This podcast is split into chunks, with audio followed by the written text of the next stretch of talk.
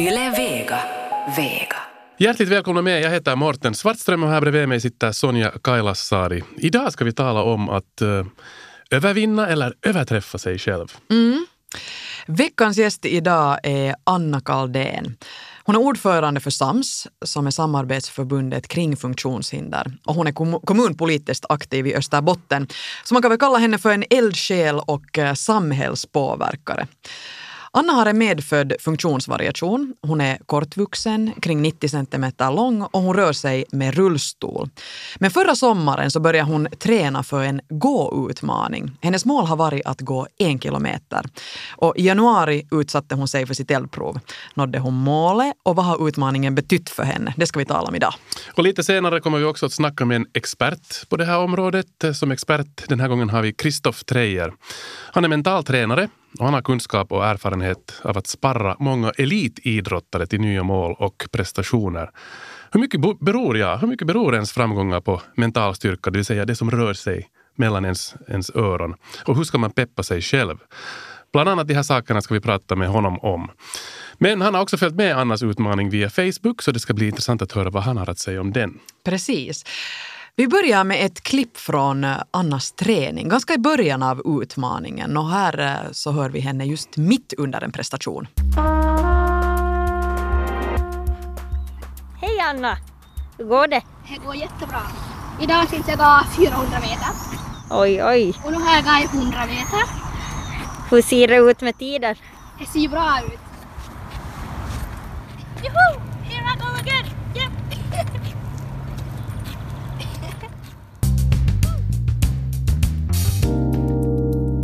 Hjärtligt välkommen Anna Kaldén. Tusen tack, härligt att vara här. Um, om vi börjar helt, helt från början, ja. uh, före vi går in på din utmaning, så, så du har en funktionsvariation som kallas för diastrofisk dysplasi. Det stämmer. Va, vad är det som gör att det är inte är så lätt för dig att gå? Uh, det är för att jag är kortvuxen och jag har aldrig kunnat gå, för att, eller som på det sättet att jag alltid suttit i rullstol hela livet. Så det här gåendet har mest varit som en träningsform för mig för att, att skelettet inte ska förtvina och så att jag helt enkelt ska kunna röra på mig och också ha en kondition. Så att, att det är de funktionshinder som gör att, att äh, ja, det är svårt för, för mig att på det sättet röra mig alltid, att, att det är rullstol som gäller. Mm. Så, mm. Och vilka hjälpmedel har du då sen när du, när du tränar på att gå? Jag har ett par stödskenor som är gjorda enligt, enligt mina behov eller enligt min kroppsbyggnad. Och eh, sen har jag rollator. Och de här skenorna, jag fick mina första stödskenor när jag var fyra år. Och jag har ju fått några, några nya då genom åren förstås, för det har ju växt ur de här, de här första och sådär. Mm. Men då som är anpassade enligt mig. Ja, vad ska man säga, det är en liten stödfot mm. som jag stiger i. Så att, eh, mm. Men att stödskenor och rollator. Ibland äh, brukar jag gå med här barr också där jag kan stå mera upprätt och hålla i med båda sidorna. Men att det bästa när jag vill gå längre sträckor är rollator. Mm. Nå, nu har du ju gjort en, eller satt en utmaning ja, för dig själv då sommar, förra ja. sommaren. Ja. Att du ska gå en kilometer. Mm. Uh, ja, hur, hur, kommer det sig att du, du, du satt det här målet? Ja, för mig är det ganska självklart. För har jag bestämt mig för någonting så då gör jag det och that's it. Så att, att jag bestämde mig ganska tidigt att det här ska jag klara av. Men att jag gjorde förstås stegvis. Eller förstås och förstås men, men att det tror jag är ett bra, bra sätt att, att uh, träna och nå sina mål. Att man, man gör, gör sina målsättningar så gör man det stegvis. Eh, uh, 2014 var det första året som jag, som jag gick uh, ute bland folk. Före det så hade jag, hade jag bara tränat inomhus och, och just då som jag sa för att, att upprätthålla konditionen och så vidare. Men att jag kan alltid varit lite sådär fundersam kring att, att, att folk skulle se när jag går. Eller, det var ju någonting som var satt bara här mellan öronen. Jag menar det har ju kommit över nu. Mm. Men jag tänkte att, att eh, vad ska folk tänka? Tänk om någon tittar. Och, och så minns jag att jag talade också med min storebror om det där. Så sa han, men Anna, klart att folk tittar och klart att man funderar. Jag menar, det gör väl också du om du ser någonting som, som är lite annorlunda. Så jag sa, vad skulle det göra? Mm. Så sa men det är ju sant. Eller där så insåg jag liksom att det fanns ju bara i mitt eget huvud. Så jag tänkte att okej, att det där ska jag inte tänka på utan jag går bara ut. Och så gick jag riktigt som ut i stan också så det var ju så riktigt redan från början att, att, att, att folk, eller att jag, jag såg människor så. Mm, så det var då det började. Och så började jag då steg för steg gå längre sträckor och börja gå just på idrottsplaner. Och, Men hur kommer det sig att, eh, att, att du just nu, de här senaste åren, börjar fundera på det här? Att, att du skulle anta en sån här utmaning eller överhuvudtaget gå ut bland folk och så vidare? Främst för att inspirera. Faktiskt för att visa att allt är möjligt. Jag tycker att det är väldigt viktigt att och också när jag har varit på de här idrottsplanerna så har jag oftast råkat vara i samband med några skolklasser har haft då, sådana uteträningar eller någonting. Och jag tycker det har också varit jätteroligt att visa dem att, att det, det finns inte som några hinder. Men kanske främst för att träning som för oss alla det gör, gör mig att må bra. Jag har ett väldigt hektiskt och intensivt liv. Och träningen är det, då kan jag fokusera helt bara på det och liksom rensa skallen och, och tänka på något annat. Uh, jag mår bra efter att jag har gått. Och uh, så jag tänkte att, men att, att det är bra att sätta några mål och, och liksom för att jag övervinna sig själv. Och för att för mig så finns ju inte de här begränsningarna utan det är bara vad jag bestämmer att jag gör.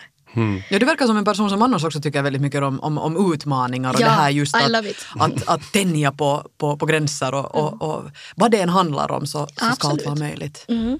Det tycker jag är viktigt och att man, man bestämmer sig för att det ska gå. Och klart att det finns förstås begränsningar och, och sånt som, som eh, kanske inte är möjligt men att det, det är ju bara hur man ser på det.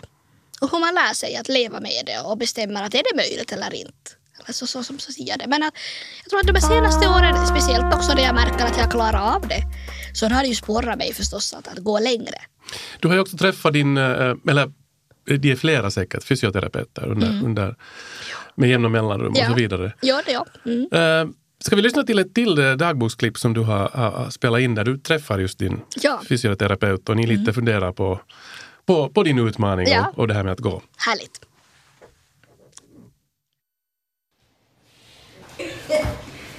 Vill du gå ut härifrån eller Ja, är det någon människa där eller? på sidan? Shit. Mm. Fråga fast chauffören. Ja. Trösklarna. Minns du första gången när jag var ute så Ja, var det dit jag var? Ja. Då gick jag 200 meter och då var det nog spännande. ja, när det var ut första Ja. gången. Bland folk. Ja. Spännande.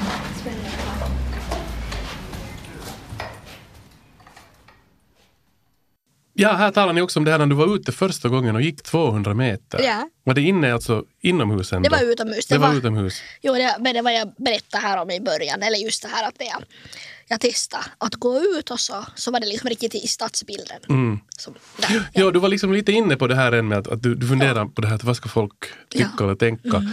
Och, och var det så att du hade, du, hade, du åtminstone upplevde att, att folk tittar Mm. eh, mera nu än när du sitter i rullstol? Mm. Kändes det, är det ju, så? Jo, det är lite konstigt också att man kan tänka så. Mm. För jag har ju hela tiden varit utsatt för folks blickar. Hela livet på det sättet. Att alltid är det någon som tittar. Eller, menar, det gör man om det är någonting lite annorlunda så ser man. Men att, att det var kanske lite mer känsligt då just. Mm. I och med att jag hade alltid suttit i rullstolen och folk var, var vana att se mig så. Och så på något sätt tänkte jag det att, att hur ska det här gå? Eller då, att, att, vad, vad ska man tänka? Och jag menar det är ju helt knäppt. Jag inser ju det idag så har jag ju liksom kommit över det där och, och insett att det var det ju så inte. Jag menar idag bryr jag mig inte heller. Idag så när jag gått på idrottsplanerna så kan det vara hur mycket människor som helst där och jag tänker inte ens på det. Mm. Att, att det viktigaste är min egen fokusering, att jag klarar det här målet. Mm, Så du, du, med, du, liksom, du vet nu att det var bara mellan dina egna öron Ja. som det här... det vet jag. Var det här någonting som du också blev tvungen att, att komma över? Ja, mm, och det var ju bra. Det är ju bra det att man har såna grejer som, som är svårt och så, så måste man övervinna dem och, och tänka att man klarar det. Och jag klarar det. Mm. Så det, var både en, det har både varit en fysisk och en mental Ja. övning det här, eller utmaning. Absolut, och kanske den här mentala tröskeln var ju den här som var svårast. För att jag skulle kanske ha kunnat göra det tidigare också. Bara jag skulle ha kommit över det eller inte haft de här mentala hindren. Mm. Just det. Men vill du, vill du öppna lite det här just att, att vad, det, vad det var du tänkte och, och vad som fick dig att, att äh, egentligen vänta så länge på, på att, att du skulle göra det så att säga. och hurdana processer du gick igenom, hurdana övningar du gick igenom för att, för att sen övervinna det här? Jo, det var en bra fråga. Jag har ju, kan ju säga sådär för att förtydliga. Jag har ju hela tiden, hela livet gått i min fysioterapi, tränat, så det här har jag gjort ända sedan jag var fyra år. Men att jag alltid har gjort det inomhus och så här. Men äh, jag skulle väl säga att, att det var nog kanske inte någon sån här dramatisk process egentligen utan äh, allt tar sin tid. Äh, jag, jag tyckte inte, när jag var liten så tyckte jag inte alls om träningen. De, de hade, då var jag inte lika positiv som jag är nu. jag tror de hade fullt sjå med, med mig, mina fysioterapeuter, för jag var inte riktigt medgörlig då. Så att, att, men allt har sin tid och som vuxen nu så, så inser jag att jag mår bra av det.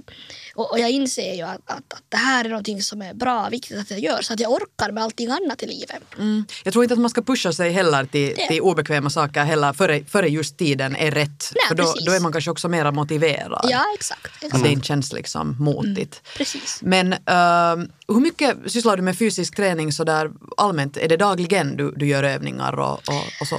Nej, eller, ja, alltså jag tränar ju nog förstås i och med att jag, jag rör mig på så mycket på mig när jag kör bil och, och, och gör mycket själv. Så, så på det sättet rör jag mig. att en gång i veckan är det som jag tränar, i princip med min fysioterapeut och så är det varannan vecka simmar jag. Och så har jag också dansat zumba. Jag, jag älskar att göra det men att då har jag inte haft så mycket tid med det så att jag har, har lite paus på det också. Och så tränar jag också lite själv hemma. Jag har ett sådant program som jag brukar ibland köra några gånger i veckan. Men egentligen så, så är det inte varje dag utan, utan det, det är förstås bara när jag har tid eller när jag hinner och känner att jag, att jag kan fokusera på det. Disciplin är det svåraste. Visst är det, att, ja. att, egentligen så borde man ju varje dag kanske göra någonting. Men det är så lätt att bara stöka det åt sidan. Ja, ja. Men hur motiverar du dig själv? Den här känslan efteråt, att jag mår bra, att jag får energi. Jag tänker att yes, juhu, nu har jag en, många möten idag men att nu kommer jag att klara av det när jag, när jag liksom känner riktigt i kroppen att jag har fått endorfinerna kommit igång och den där energin. Och just det här att man mår bra. Jag tycker att vi ska be in vår nästa gäst och eh, veckans expert också. Ni lyssnar alltså på Efter nio tillsammans med mig, Morten Svartström och med Sonja Kailasari och vi sitter här tillsammans med eh, Anna Kaldén som är ordförande för SAMS, det vill säga Samarbetsförbundet kring funktionshinder. Och vi ska be in då eh, vår nästa gäst som är han är mental tränare och han har kunskap och erfarenhet av att sparra idrottare och han har också lite följt med Annas utmaning. Hon har alltså utmanat sig själv att gå en kilometer. Vi ska be in Kristoff Treijer. Hjärtligt välkommen med Kristoff Treijer. Tack så mycket. Um, före du får kommentera Annas utmaning och vi går in närmare på den så, så tänkte jag sådär allmänt fråga, att, för vi har också pratat här nu med Anna om det här med, med det mentala när man ska göra någonting, övervinna sig själv eller överträffa sig själv. Så hur, hur stort hinder kan knoppen vara när man vill göra någonting? Ja, för, viss, för vissa kan det vara så stort hinder att de aldrig kommer att lyckas med det som de vill lyckas.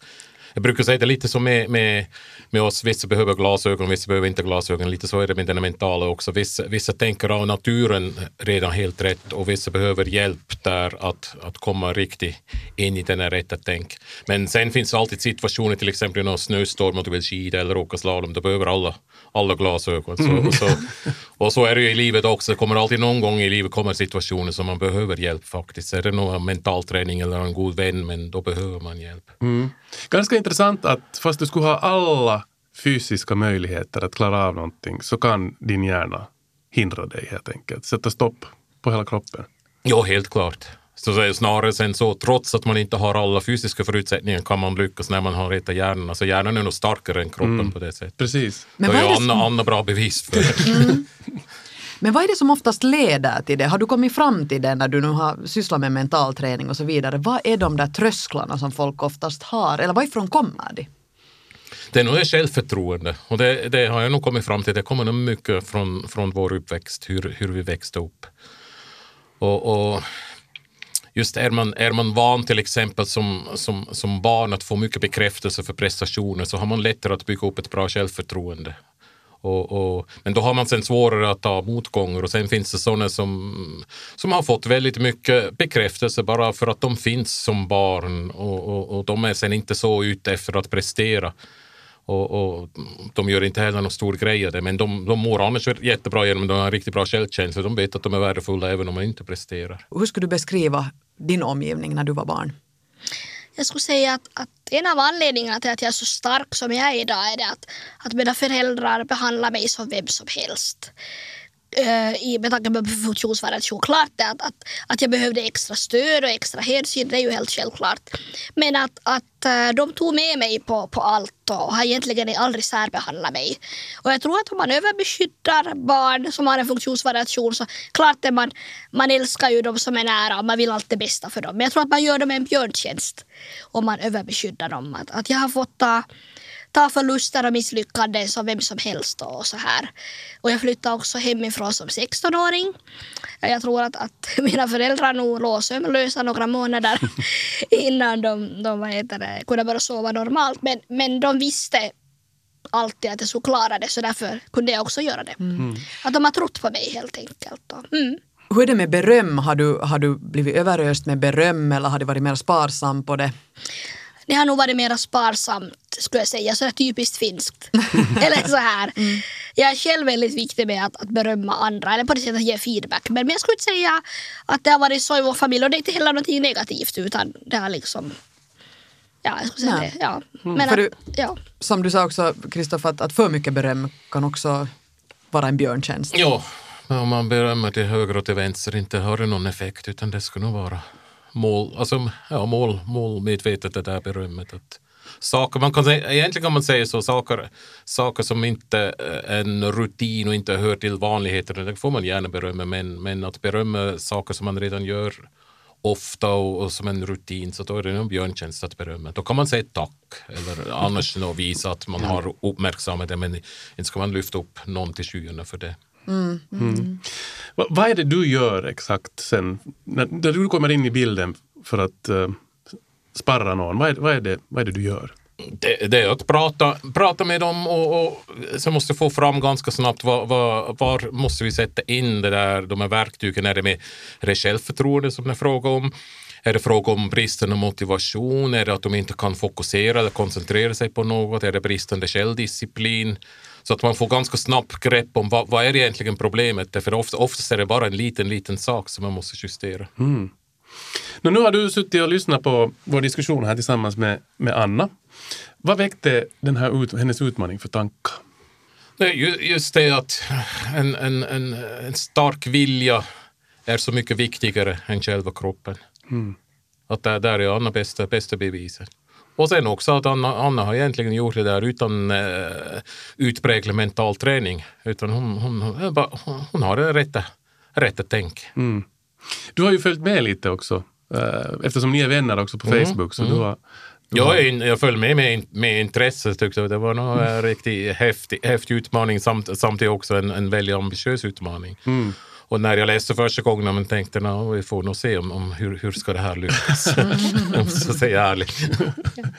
ni har ju varit i lite kontakt också mm. inför det här. Mm. Vad, vad är det ni har pratat om? Jag tror att vi, vi pratar inte desto mera kring... Vi tänkte att vi, vi tar det som det kommer. Men om du jämför det här, Kristoff, med, med med ditt jobb som elitidrottare och så vidare, där du också coachar, så, ja. så hur, hur, vad ser du för likheter eller olikheter med den här utmaningen? Likheten är just den där enorma viljan att det, det ska bara gå. Det märkte man i Anna. Ja. Det, det där skiljer hon sig inte från vilken elitidrottare som, som helst. Mm. Sen att förutsättningarna var förstås svårare än när du har en, en, en, en en kropp som redan i många, många år är vältränad och allt så det, det gör ju saken ännu svårare. Men just att, det, att ha den där vilja och sen också den disciplin som, som behövs som Anna visade. Utan den där disciplin skulle det inte gått. Mm.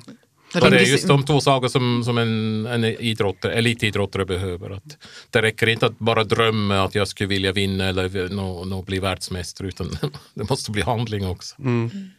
No, den här grejen just med disciplin som vi var lite inne på tidigare. No, Anna ett, ett uh, jättebra exempel på när man sen har den här disciplinen och, och du fick den här utmaningen. Du gjorde, du nådde ditt mål.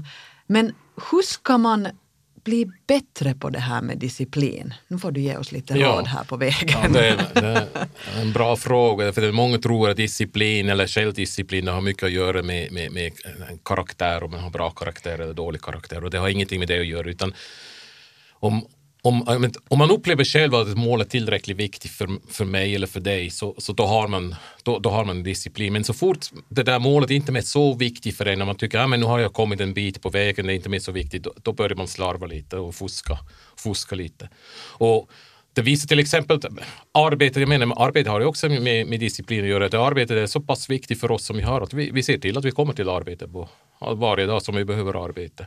Och sen med andra saker som är kanske inte så, så viktigt för oss, där, där fuskar vi sen lite.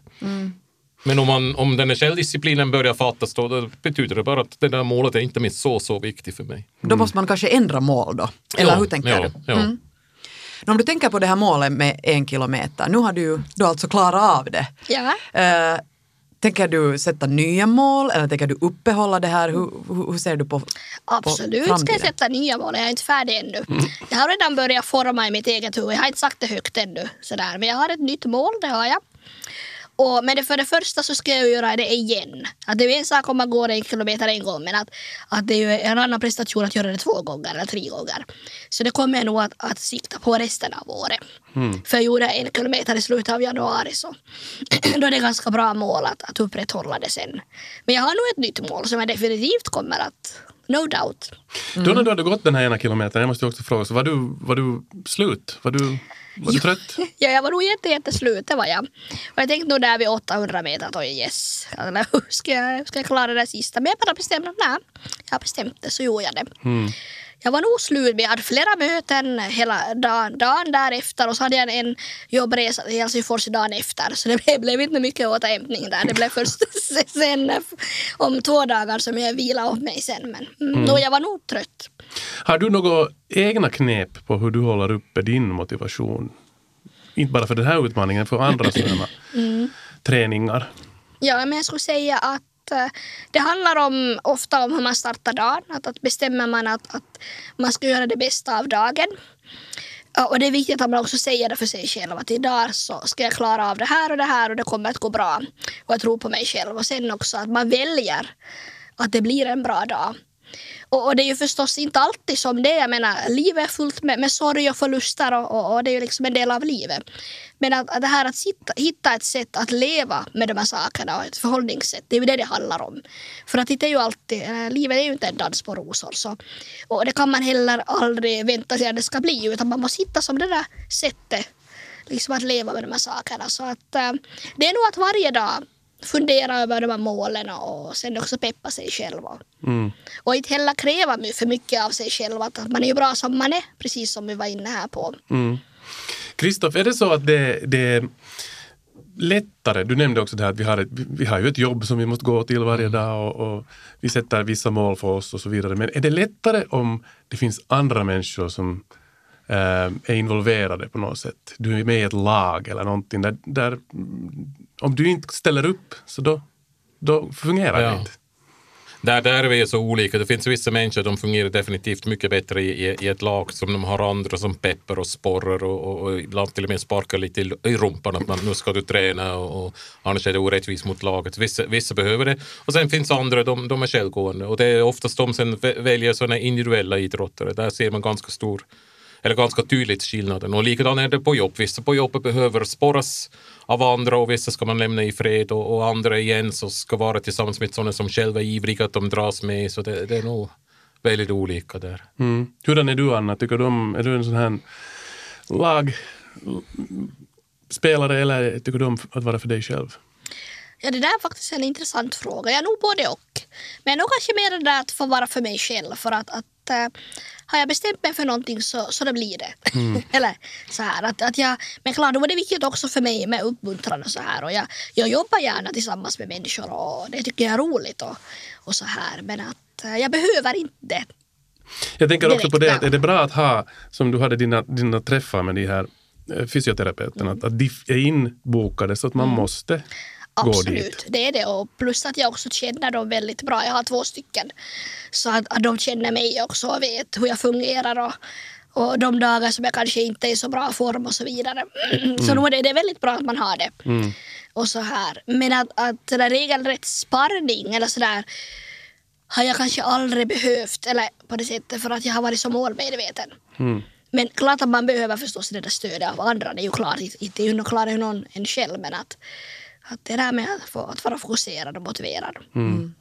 Hur mycket kan Kristoffer en, en, en kalender där man sätter in tid och eh, tidpunkter och, och mål för sig själv hjälpa än att man bara låter det komma som det kommer? Nu, nu hjälper det fram. Alltså det viktigaste just med mål är ju att, att man ställer sig regelbunden fråga varför. Varför gör jag det?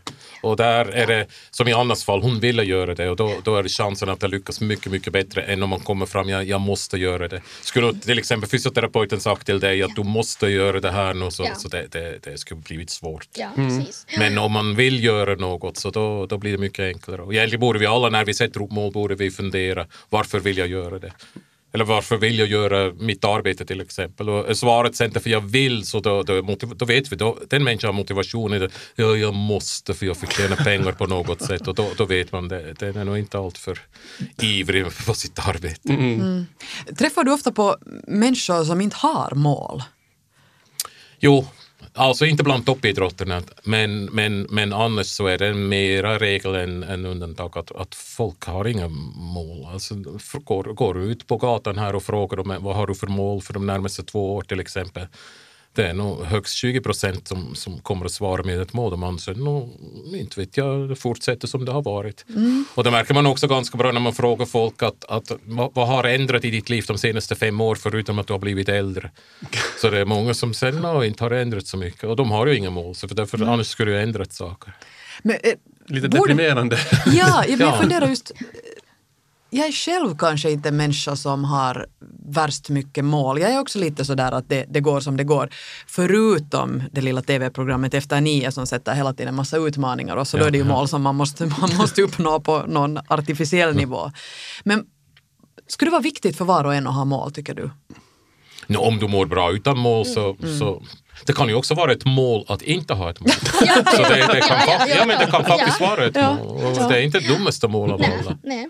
Så det är helt okej? Ja, det är helt okej om du trivs. Men, men sen alla som någon gång har skrivit ner, nu, nu ska jag vilja ha eller uppnå de här följande mål, om man riktigt skriver ner så man märker vilken kick man får av att, att skriva ner mål och, och, och verkligen ha något att se fram emot. Men det måste vara sådana mål som man vill, inte som man alltså vill göra för sig själv, inte för någon annan, att imponera på någon eller, eller ja. Nej, just det har jag också varit viktigt med min träning, att det är bara för mig själv. Och jag brukar inte som säga, när jag har ett mål så brukar jag inte säga det högt. Utan jag bara bestämmer mig för det och så. så Där är, där är jag olika också. Ja. Sen vissa, Ja. vissa måste säga det högt att de får den här press utifrån. det, ja. igen, det visar igen att du är mer än individuella idrottare. Ja, precis, och ja. lagspelare där måste gå ut helst i tidningar eller tv Ja. att, att de har den här pressen på Ja, sig. ja. Men det kan ju vara lite farligt just det att man går ut och säger Ja. öppet eller högt. Eller Ja. på sin arbetsplats säger att hej jag har bestämt att jag tänker göra så här. Ja. Och sen när man märker att nej det här är inte så roligt heller så Ja. då börjar de andra undra att hej men vad hände? Ja. Och då Men är det kan ju sporra just precis Det så, spårar ju sen vissa och, och för vissa är det sen deprimerande. Ja, Ja. det kan ju bli pinsamt också. Sen. Ja, ja, ja. Men sen, sen är det ju också det där att, att, att sen måste man ju också ibland hitta mod och säga att nej men fan jag ger upp alltså att jag gör inte sen heller och att det är lika okej som att göra det. Men Ja. det är också svårt. Ja, är det Kristoff, är det okej att det skiter sig? Det är absolut, Det kommer det skulle säga. absolut, Nej. absolut okej. Och Det är absolut okej. Och, jag- och jag märker idag att det polariserar ganska mycket just de här kunderna som jag har. Dels elitidrottare som vill optimera sina mål, alltså verkligen göra allt för att uppnå sina mål. Men sen den största delen så kallade normala människor, de, de, de vill mer jobba med sig själva, att de inte är så prestationsinriktade, att de kommer lite bort från det där prestation, prestation, prestation, utan lär sig bara leva livet. Lite som Sonja sa, utan, utan konkreta målsättningar. Det, det, det blir fler och fler. Och det här att det skiter sig, det är ju en del av livet, det är ju viktigt. För att annars lär man ju inte sig någonting. Så Ja. är det. Det är Nej, ju men- en del av, av livet. Så att, Ja, om man hela tiden lyckas så blir Ja. man kanske lite Uttråkad. hö, högre korken nästan. Nej, no, För man lär ju sig och växer som människa. Men det har ju kommit fram att du är väldigt målmedveten, Anna. Men har du alltid varit det? Är det liksom från födseln att du, du, är, du är bara kodad så? Jag tror, jag tror det faktiskt. För att jag har alltid vetat vad jag har velat, vad jag har haft som nästa mål och så här. Och då kan det ju hända att det inte alltid har gått så heller. Men att då jag bara fått acceptera att, okay, att, det här var inte meningen. Utan nu måste jag forma nya mål och nya planer. Men, men jag har nog alltid varit hemskt målmedveten. Ja. Och, och kanske också dels med tanke på min funktionsvariation att, att jag kan inte kanske vara så riktigt spontan alltid i mitt liv utan jag måste ha de här målen för att jag behöver en vi- viss typ av hjälp och, och jag måste planera att okej att om jag far dit så måste jag göra så här och så vidare och så vidare.